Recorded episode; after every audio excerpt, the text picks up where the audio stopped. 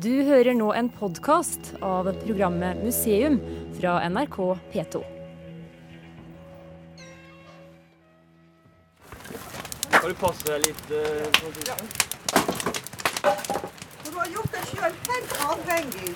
Eh, jeg blir kaldtbrennende nå, jeg. Sekker med ved lempes inn i ildmørja, og varmen svir i ansiktet og på knærne. Per Storemyr jobber som en helt for å holde temperaturen oppe i steinovnen. Dette er kalkbrenning på middelaldersk vis og et spennende, sjeldent eksperiment. Det er et kjempestort dugnadsprosjekt eh, hvor Riksantikvaren har gitt liksom en liten grunnbevilgning holdt jeg på å si, eh, til innkjøp og bygg av dette forbygget som vi står under nå. Ja. Et grindbygg, et fint grindbygg ja, som en lokal eh, tømrer har, har, satt opp for oss, Audun Oppedal. Um, og ellers så vi, er det jo Norsk Kvernsteinsenter, som er en del av museet i Sogn og Fjordane, som, har, uh, som er liksom uh, den som prosjekteier, da. Ja. Uh, og så er det dugnadsinnsats. Jeg tror vi har bortimot 30 ulike mennesker som har vært med i byggingovnen i det siste halvåret. Til arrondering av terrenget her, til skaffing av ved, til hjelp med kalkforekomst eller marmorforekomst. Vi bruker marmor. Og til alle mulige små og store ting. Så det er en helt fantastisk dugnadsinnsats som står bak eh, at det er heller mulig å gjøre det. Derfor, uten dugnad kunne vi bare glemt det. Vi er i Hyllestad kommune. En halvtimes biltur fra fergeleiet på Lavik på Europavei 39 mellom Ålesund og Bergen. Vi er altså på Sognefjordens nordside, og det er ikke tilfeldig at det er her det eksperimenteres med å brenne kalk. For det første er Per Storemyr geoarkeolog, altså både geolog og arkeolog. Og kona hans, Franziska Ruttimann, er avdelingsdirektør ved Norsk Kvernsteinsenter, som er en del av museene i Sogn og Fjordane. Hyllestad var Europas største produsent av kvernstein, fra vikingtid og langt inn i middelalderen. Og her er det også brent kalk tidligere. Er det foreninger, er det historielag, eller er det bare entusiaster? Ja, ja det er begge deler. Eh, på den ene sida er det noe som, som, som, heter Kvernsteinslauget, som er på et vis et venneforening til, eh, til Norsk Kvernsteinsenter. Og Kvernsteinsparken, som vi jo nå er i. Ja. Og Kvernsteinslauget, eh, der er det ildsjeler og dugnadsfolk. og... Ja. Folk kommer jo her seint og tidlig, og det er veldig uproblematisk f.eks. nå å skaffe vakter til, til, brenningen. Da, for da må vi jo ha minst to folk på vakt hver. Ildsjeler er det rette Ja, det er for så vidt det, da. det er det. Ah, dette er en historisk ovn hvor vi bruker ja. i størst mulig grad eh, lokale materialer som også var i bruk skal vi si, generelt i middelalderen. Ja. Men sydingen og glødingen og vulkanen her, den er jo i, er jo i sving, da. Ja. Det er den. Det gløder virkelig inn i der, altså. Hvor har dere henta teknologien for å bygge en sånn ovn? Det står vel ikke på internett nødvendigvis? Jo, det gjør faktisk det. det gjør. Nei, vi er, vi er, men vi, vi, har jo egentlig henta den fra romerne. da. Ja. ja. det er jo det er sånne ting alltid starter da, for, for oss. Uh, og romerne, deres teknologi ble jo videreført i middelalderen. Ja. Og fra England så kom det til oss ja. i tidlig middelalder når vi begynte å bygge kirker. For vi har jo ikke noen eksempler på bruk av kalk før tidlig middelalder i Norge. Nei.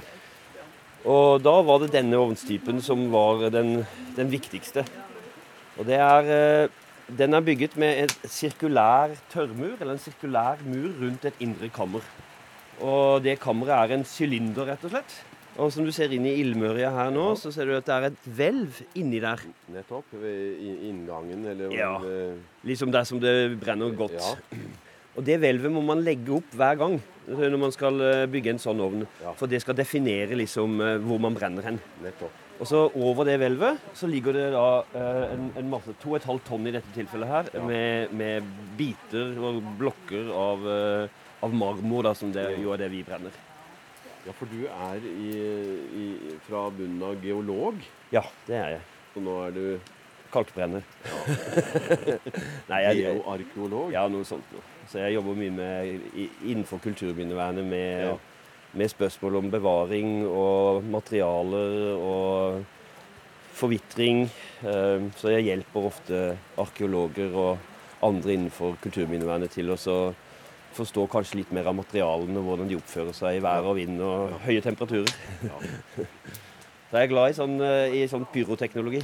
Og så har vi jobba med å brenne ut stein i, eh, i, eh, i Egypt. Eh, Den uferdige obelisken i Aswan. Jeg var ikke med på de eksperimentene selv, men jeg gjorde masse analyser sammen med andre der. Ja. Om å finne ut av hvordan obelisker ble brutt i gamle dager. Og det var jo ikke med rå kraft og masse slaver og sånt noe. Det var med pyroteknologi. Nettopp. Fyrsetting, rett og slett. Ja. Så nå er det, nå er det ilegg. Ja, nå er det ilegg, og det er, nå har vi fyrer vel ca. to ganger i timen nå, sånn omtrent iallfall. Og det er vel det vi har to til tre ganger i timen er det vanlige vi har fyrt i ovnen nå i eh, ja, Det begynner jo å nærme seg eh, to og et halvt døgn. Vi har hatt temperaturen eh, stabilt sånn noenlunde i midten av ovnen på 900 000 grader, som det er det vi trenger over noen dager for å få brent kalk, rett og slett. Skal jeg bare gå litt nærmere her jeg, for, å, for å se. Her legges det inn bjerkeved. 60 cm. Ja, 60, ja. 60. Så begynner jeg opp et lite sånn. Oi, her kjenner jeg det også, virkelig det, noen jeg tar i ansiktet. Ja. Det er det skikkelig. Ja, Så begynner jeg å lempe inn. Ja, lunka på knærne mine nå. Ja. Nei, det er greier litt. Sånn. Der var den ladningen. Hvor lenge er det til neste gang nå? Nei, en liten halvtime, tenker jeg. Ja. Noe sånt. Ja. Så nå har vi på Vi har brent fire-fem kubikk, kanskje. Eh, totalt kommer vi vel til å brenne ca. åtte-ni kubikk eh, med ved. Og inni her nå så er det tonnevis med marmor. Ja, altså tonnevis og tonnevis. Det er to og et halvt tonn eh, med marmor, så det er for så vidt tonnevis. Og den brente kalken, hvis du putter vann på den, så syder det, og det blir varmt, og det blir veldig merkelig, for steinen går mer eller mindre i oppløsning. Og den, eh, når den har gått i oppløsning, så får du eh, leskakalk. Og den leskakalken, det er limet i mørtelen, sånn som det var i videregående. Og leskingen skal vi både høre og lære mer om senere i programmet. Men nå må vi si litt mer om Hyllestad. Kommunen har 1500 innbyggere og ligger i et utrolig vakkert landskap. Fjellet Lihesten rager i været og er et eh, kjennemerke. Og utsynet fra kommunesenteret og utover Hyllestadfjorden er storslått. Her livnærer en seg av fiske, landbruk og industri. Skipsverftet Havyard i tettstedet Leirvik er kommunens største arbeidsplass med et par hundre ansatte. Men i denne bygda var det industri trolig allerede på 600-tallet. Her ble det produsert kvernstein for eksport. Men denne kulturhistorien har faktisk ligget død fram til for noen tiår siden. Og det var Torbjørn eh, Løland som løftet dette fram til nå å være Hyllestads viktigste kulturimpuls. Det er Torbjørn som er eh, den aller viktigste kraften eh, fra begynnelsen av Kvernsteinslauget og fremover til i dag. I hele oppbyggingen av eh, kulturminne, kulturgreia omkring kvernsteinsbruddene i Hyllestad.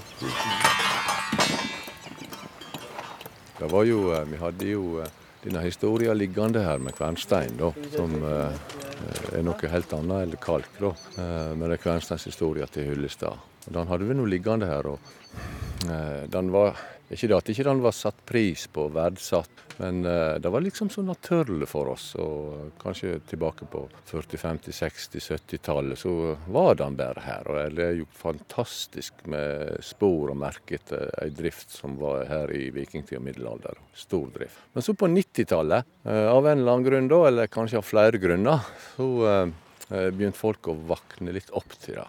Og oppdage at dette her faktisk er en verdi. Ikke nødvendigvis en, en uh, sånn kroneverdi for bedrifter, men det er en verdi for befolkningen som bor her, at vi har en så rik og flott historie. Så begynte det litt sakte, men sikkert å gro fram. Vi starta noe som vi kalte for Kvernsteinslauget. Litt spenstig, egentlig. Ja. Ja, og da var vi en gjeng med uh, 40-50-åringer som hadde det steikende moro med å faktisk reise ut av kommunen vår og fortelle om denne historien. Så vi begynte først egentlig å fortelle om henne utenfor Ja kommunen. Ja, Før du begynte med inn... inn. Indremedisin. Ja, ja. Men, eh, og så fikk vi veldig mye god uh, omtale, og det ble litt populært. Og vi hadde det jo så kjempegøy, så da var vi liksom i ei kjempekjekk bølge og fulgte med. Og dette balla på seg, og utviklinga framover da, eh, den er nå i Der er selvfølgelig mange detaljer, men, men eh, til slutt så er vi da blitt en museumsavdeling. Ja, For Og- da, i i den perioden du snakker om nå, eh, så, så har dette blitt et, eh, et flott senter. Ja, for i, i, på den tida da jeg snakka om til å begynne med, så var det bare steinbrudda vi hadde. Og Ja. de var flotte nok. Ja. Men eh, nå, så har vi bygd opp de fysiske rammene rundt det, og etablert en park, et visningsområde der vi viser folk rundt. Og så har vi hatt en, eh, gjort noe veldig genialt som eh, starta vel på begynnelsen av eh, ja, tusenårsskiftet. da. Ja, Eh, Og det var å samarbeide med skolen, ungdomsskolen her. nettopp. Da drev vi i mange, mange år at åttende klasse, og de er ikke mer enn 13 år, Nei, de var her og hadde kvensteinshistorie i Hyllestad som et fag. se der, ja. Ja, Og det er tøft. Og det har båret frukter. Det bar enormt med frukter, for det, det oppdraget de fikk når de kom til åttende klasse, de var en halv dag i veka eh, hele året rundt. Ja. Og det oppdraget de hadde da, de skal lære om kvensteinshistorie i Hyllestad. Og så er det de som skal fortelle om henne. Nettopp. Så de blir guidene, formidlerne. Og sånn det... Vi utdanner dem til formidlere. Ja, fantastisk, altså. Og da smelter alle besøkende på. Ja, det vil jeg tro. Når det står en 13-åring og forteller om Ja. historie som de eh, Ja, ja. ikke vet om. Det er Nei. fantastisk. Du, nå et lite intermesso. Det kom en gående nå, men han hadde ikke med seg hund, men en geit. ja, det, det er forferdelig. Det er sånn her, kanskje. Ja, det er akkurat sånn det er. Men det med, det med kalk, det er på en måte et, et- skritt videre for dere nå, da? Ja, det ble det. For, eh, og det er ikke det at eh, befolkningen, eller vi her, er lei av Kvernstein, men det, men det er fint at det hele tida kanskje at vi, eh, som du sier, tar et lite steg videre. Og det kveiker opp folket som bor her, og da at å, nå sier det noe nytt, og det er bra, parken. Og parken, som vi sier da, Kvernsteinsparken, den føler iallfall jeg at folk føler er parken deres. Jeg tror det er sånn. Folk føler seg hjemme her og syns det er litt deres. Og det er ikke minst skyldes at ungene deres, barnebarna deres, har gjort sånne suksesser her framme. Da blir det liksom litt vårt. Så det er sånn det som heter på utenlandsk 'bottom up' her. Kalken Det er ikke så mye kalk her, og det er ikke noe sånn spesielt marmorsted sammenlignet med mange andre plasser, men det er nok til at vi kan gjøre dette. Og, og faktisk så har vi bygd ovnen veldig nær eh, et marmorfelt som vi kan bruke til et brudd. Og da snakker vi bare om 150 meter over de bygningene som nå ligger Over her? Ja. Ja. ja. Eh, 100 meter, 150 meter opp, så kan vi bare bryte ut steinen, og så kan vi trille den nedover, og så skal vi lage en liten renne så den på en måte nesten renner ned i ovnen til oss. vi skal se hva vi får til. Vi har litt drømmer. Det fyres døgnet rundt i ovnen, og det er alltid to på vakt. Nå forlater vi den intense heten for en stund og treffer avdelingsdirektør Franziska Ryttimann i Kvernsteinsparken. Det er fullt av skolebarn i et av hovedhusa, og i et hjørne ligger en diger stabel kvernsteiner. Et mektig syn. Vi har en samling av 505 kvernstein, og bak disse kvernsteinene så skjuler seg jo en tragisk historie. De ble funnet på havets bunn for en del år siden, og ble alle tatt opp. Og Det som må ha skjedd der, er rett og slett et forlis. Ja, Hvor var det? Det var i Alverstraumen, Lindås kommune. Det er det lenger på sør, vei til Bergen. Ja, Hvis du tar ekspressbåten Ja, ja, herfra til Bergen, så kommer du akkurat forbi der. Akkurat. Og, og det er jo ma massevis av arbeid. Altså, vi har regnet ut at en mann har kanskje jobbet her i fire år For å, for å få til den haugen med stein. Så- Er, er de tidfesta noenlunde produksjons... Altså, problemet er at man jo ikke fant noe organisk materiale. nei, Alt har forsvunnet nede i saltvannet. Så det var bare steinene som overlevde da. Og de er jo da et vitne om eh, den produksjonen og handelen som var så stor her. Og totalt sett så ble det jo funnet 18 kvernsteinslaster her langs eh, norgeskysten. Og det, alt dette er jo rent tilfeldig. Altså Man vet jo ikke hvor de ligger Nei, hen fra før av. Det er det er- dykkere da, som Ja. faktisk har kommet over det. Ja, sånn rent um, ja, tilfeldigvis. Og så um, tok man det opp, altså det, last, den, det lastet her, og brakte det tilbake til Ullestad. Så den kom egentlig aldri til sitt mål. Den er fortsatt til salgs. Ja, på en måte. Nå har du eh, tatt opp en liten, elegant, fin eh, håndkvern. Ja, um, her ser vi hovedproduktet som ble laget her i Hullestad. Og som sikkert har brakt en god del rikdom til eh, samfunnstoppene her før i tida. Og um, vi går jo ut fra at det var hundretusenvis av steiner av kvernsteiner som forlot Hullestad, spesielt i vikingtida og middelalderen. Det var høydepunktet. Ja. Og da var Norge hovedleverandør, eller Hullestad var hovedleverandør for um, Norge, Sverige, Danmark, altså til dels helt ned til Tyskland og andre steder. Så dette var virkelig snakk om en internasjonal handel.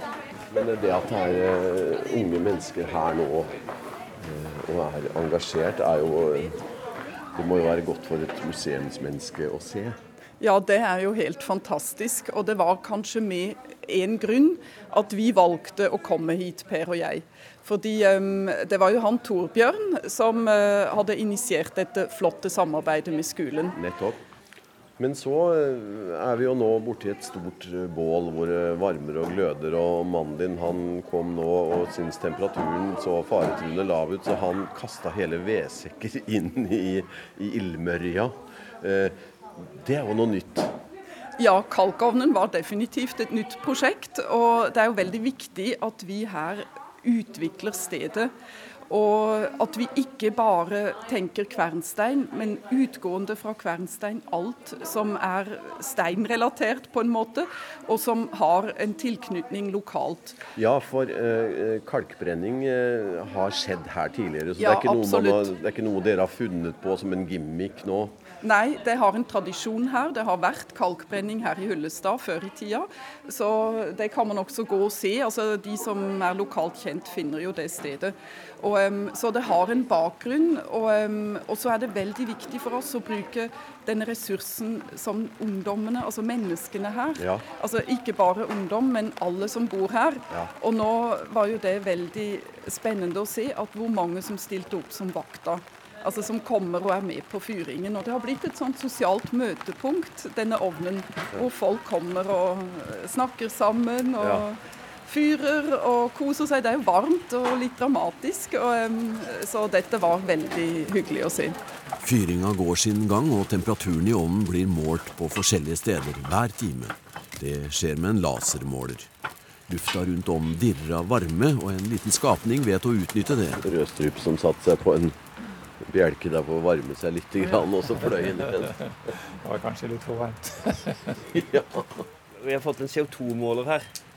For dette spyr jo av en del CO2 dette her. Og I England i gamle dager sies det at uh, uteliggere, fattigfolk, de samla seg rundt kalkovnene, for der var det varmt. Og så våkna de kanskje aldri opp igjen. Fordi at da la, og når, når, når vindene la seg om natta, sånt, så ble det stille og fint, Og Så- så la CO2-en seg ned. Nei, sant? nei, nei. Og dermed så var det gjort. Hvor i Norge brant man kalk? Var det overalt? Nei, det var jo ikke overalt, da, for man, eh, man gjorde jo der man hadde kalk tilgjengelig. Altså Geologien måtte stemme, først og fremst. det er Oslofeltet Ja. utenfor Oslo, Asker og Bærum. ja. Eh, der som det geologiske Oslofeltet på kanten av det, der det er massevis av kalk. Riktig. Mye kalkbrenning. Ja. Og så brant man i eh, bergensområdet. Eh, Tysnes først og fremst på Vestlandet. ja. Eh, der er det kalk, fine kalkforekomster. Og så brant man i, på Sunnmøre. Stor virksomhet. Og langs hele Trondheimsfjorden. Utvalgte steder der det er kalk, kalk. Og på Helgeland der er det også mye kalk. Så du har liksom noen sånne store områder som, som definerer kalkproduksjonens historie i Norge. da. Og det samme, Så har du selvfølgelig småforekomster som kan, eh, som kan også, De kan også ha hatt kalkbrenning, men ikke, eh, ikke historie eller tradisjon i samme omfang. Prosjektet på Hyllestad inngår i Riksantikvarens program for bevaring av ruiner. Og kalken som kommer ut av denne forsøksbrenningen, skal gå til et konkret formål, forteller Per Stormyr. Og de er interessert i å teste ulike kalker. Få dette til å liksom eh, jobbe opp igjen de gamle tradisjonene, da, for å si det sånn. Så først og fremst så skal jo vi nå eh, bruke det kalken på Selje kloster. Ehm, og så kan vi jo håpe på at vi blir et sånn lite vestlandssentrum for kalkbrenning. Hvis kalken vår blir god. Det hadde vært stilig, for nå har de De brenner ofte i, i Oslo-området, Hamar-traktene, men med, med, med moderne ovner. Altså ikke denne Det å bygge hvelv, sant? kalkhvelv, det gjør ikke de, altså. Det er det vi som gjør. Eh, og i Trondheim er det det samme, da. Litt mer moderne. eh, på Nidarosdomen. Eh, så, det, så det at hvis vi kunne liksom blitt et sånt lite sentrum på Vestlandet, og også med basis i de tradisjonene vi har her i Hyllestad Vi har jo hatt kalkverk her. Vi har funnet noe nylig, eller fått høre noe nylig om eh, ulike eiendommers rettigheter til kalkforekomster, og det betyr, kan bare bety at forløperen ligger i bondekalkdrift i, eh, i, her i bygda også. Og hvem vet, kanskje går vi tilbake til middelalderen her også. Så dere vil inn på markedet? Ja, vi vil inn på markedet. ja, vi skal se på kalken vår her borte. Vi har, vi har jobba oss gjennom ovnen litt grann, og med den kalken vi allerede har brent, og det er faktisk en bra kalk. altså. Dette her er eh, vår kalk som er brent. Ta et trillebår. Det blir lett. Du må være litt forsiktig, der, for dette her er litt eh, sterkt alkalisk. pH-14. Ja, det å, ja vel. Ja. Så det, dette her er jo eh, fint desinfeksjonsmiddel. da. Ja. Så skal vi se om denne her er reaktiv. Den er iallfall reaktiv. Den burde være reaktiv. Legger altså eh, kalkstykket litt sånn brun, lysbrune oppi trillebåra, og så har han ei bøtte med en liten vannskvett. Så skal vi Noen av de er litt, eh, de er litt seine i reaksjonen her, våre, våre kalker. Det er ikke noe negativt, det. Men så begynner de å reagere etter hvert. Og da Ja, nå får vi se hva som skjer. Vi må smøre oss med litt tålmodighet her nå. Så kommer de. Se der! Der skjedde det noe. Ja, der, der sprakk det opp i en sånn litt brå prosess. Her utvider det seg. Nei, nei. Nå lever materialet. Ja, det kalles uh, le, Det er levende kalk, dette her. sant? Ja, har du sett? Nå, så, så, så ble det varmt. Ja, og så begynner det å ryke. Så, så hvis du måler temperaturen inni her nå, så er den på oh, Den er på 200-300 grader. På grunn av at du har Som utvikles her nå. Ja, I. I den kjemien som I skjer den, inni ja, den. er det, det det som skjer nå, det er at uh, den brente kalken den tar opp vann. Og det er en sånn en, eh, såkalt eksotermprosess, eh, Ja. sier kjemikerne. Oi, nå begynte på den andre her. Ja, nå. begynner de å surre Det her. fresa faktisk ja, nå litt, det fælt her. Da blir det til leska kalk. Det er, eh, det er eh, kalsiumhydroksid, altså kalsium med vann i seg. Ehm, og så skal denne, skal denne kan den lages til mørtel. Dette her er en eh, 12 000 år gammelt lim, dette her. Men eh, en kan jo bare prøve å forestille seg eh, første gang, første gang dette ble oppdaga. Ja, det er en interessant greie, vet du. For det var vel omtrent som vi sitter her nå. Og da må man tenke seg sånn i kalkrike områder. Så eh, satt de der ved leirbålet da, og brant et kjempebål. sant? En eller annen gang, kanskje det var fest eller noe sånt. Og så hadde de en ring av stein rundt. Så ramla det kanskje noen av disse kalksteinene inn i bålet, og det ble fyra og fyra og fyra. Og så la man seg. Så kom det et regnskyll i løpet av natta. Og så så man eh, dagen etter Men i huleste heiteste, hva er dette her for, da? Begynte man å trampe litt på det, så ble det fint vær igjen, og så begynte det å herde. Og så begynte man å få gulv. Jeg tror kanskje det var noe av det første eh, liksom bruken av kalk. Det var harde gulv. For det, det, liksom, det vil jo danne seg rundt bål, iallfall i steder hvor det noen ganger regner. da. For dette her er jo et materiale som har vært brukt til eh, ikke liksom bare sånne prosaiske ting som en, eh, som en, som en mørtel i en fuge. sant? Man, eh, det, det er alt fra skulptur til eh, stukko til, sant? til altså, kunstnerisk formet. Ja. Ja. Uh, og tilsatt andre ting, gips f.eks., og, og latt Uh, Ja, fantasien setter jo bare grenser for hva man kan bruke et lim til. da.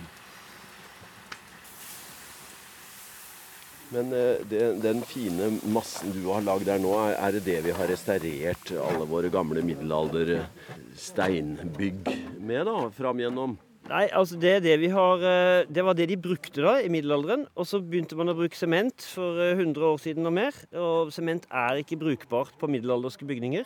Og Derfor har man gått tilbake igjen de siste 20-30 åra til å bruke liksom tradisjonell mørtelkunnskap, tradisjonell kalk kalkkunnskap, til å restaurere eh, gamle bygninger, Ja. steinbygninger. For, for man har visst hele tiden hva originalmaterialet var. Ja, det har man gjort. Eh, men man har trodd at liksom sement sterkt eh, liksom eh, Veldig vanskelig å knuse, holdt jeg på å si. Så, Ja. så, så er det liksom bedre, da. Ja. Så det var alltid sånn eh, gjennom hele 1900-tallet nesten, så har det vært sånn at ja, vi har kanskje kalkmøten, men vi deiser på med litt sement for å få den litt sterkere, liksom. Skal holde litt Ja. bedre. Men det, det Og så er har det gått og så har det gått gærent. Det sprekker opp. Så kommer det vann inn i murene og ødelegger resten av bygningen. Det er det som vanligvis Så dette middelet du har, den massen du har her nå, det er det man egentlig må bruke. Hovedkravet er at det skal brukes kalkmørtel ved restaurering av historiske steinbygninger.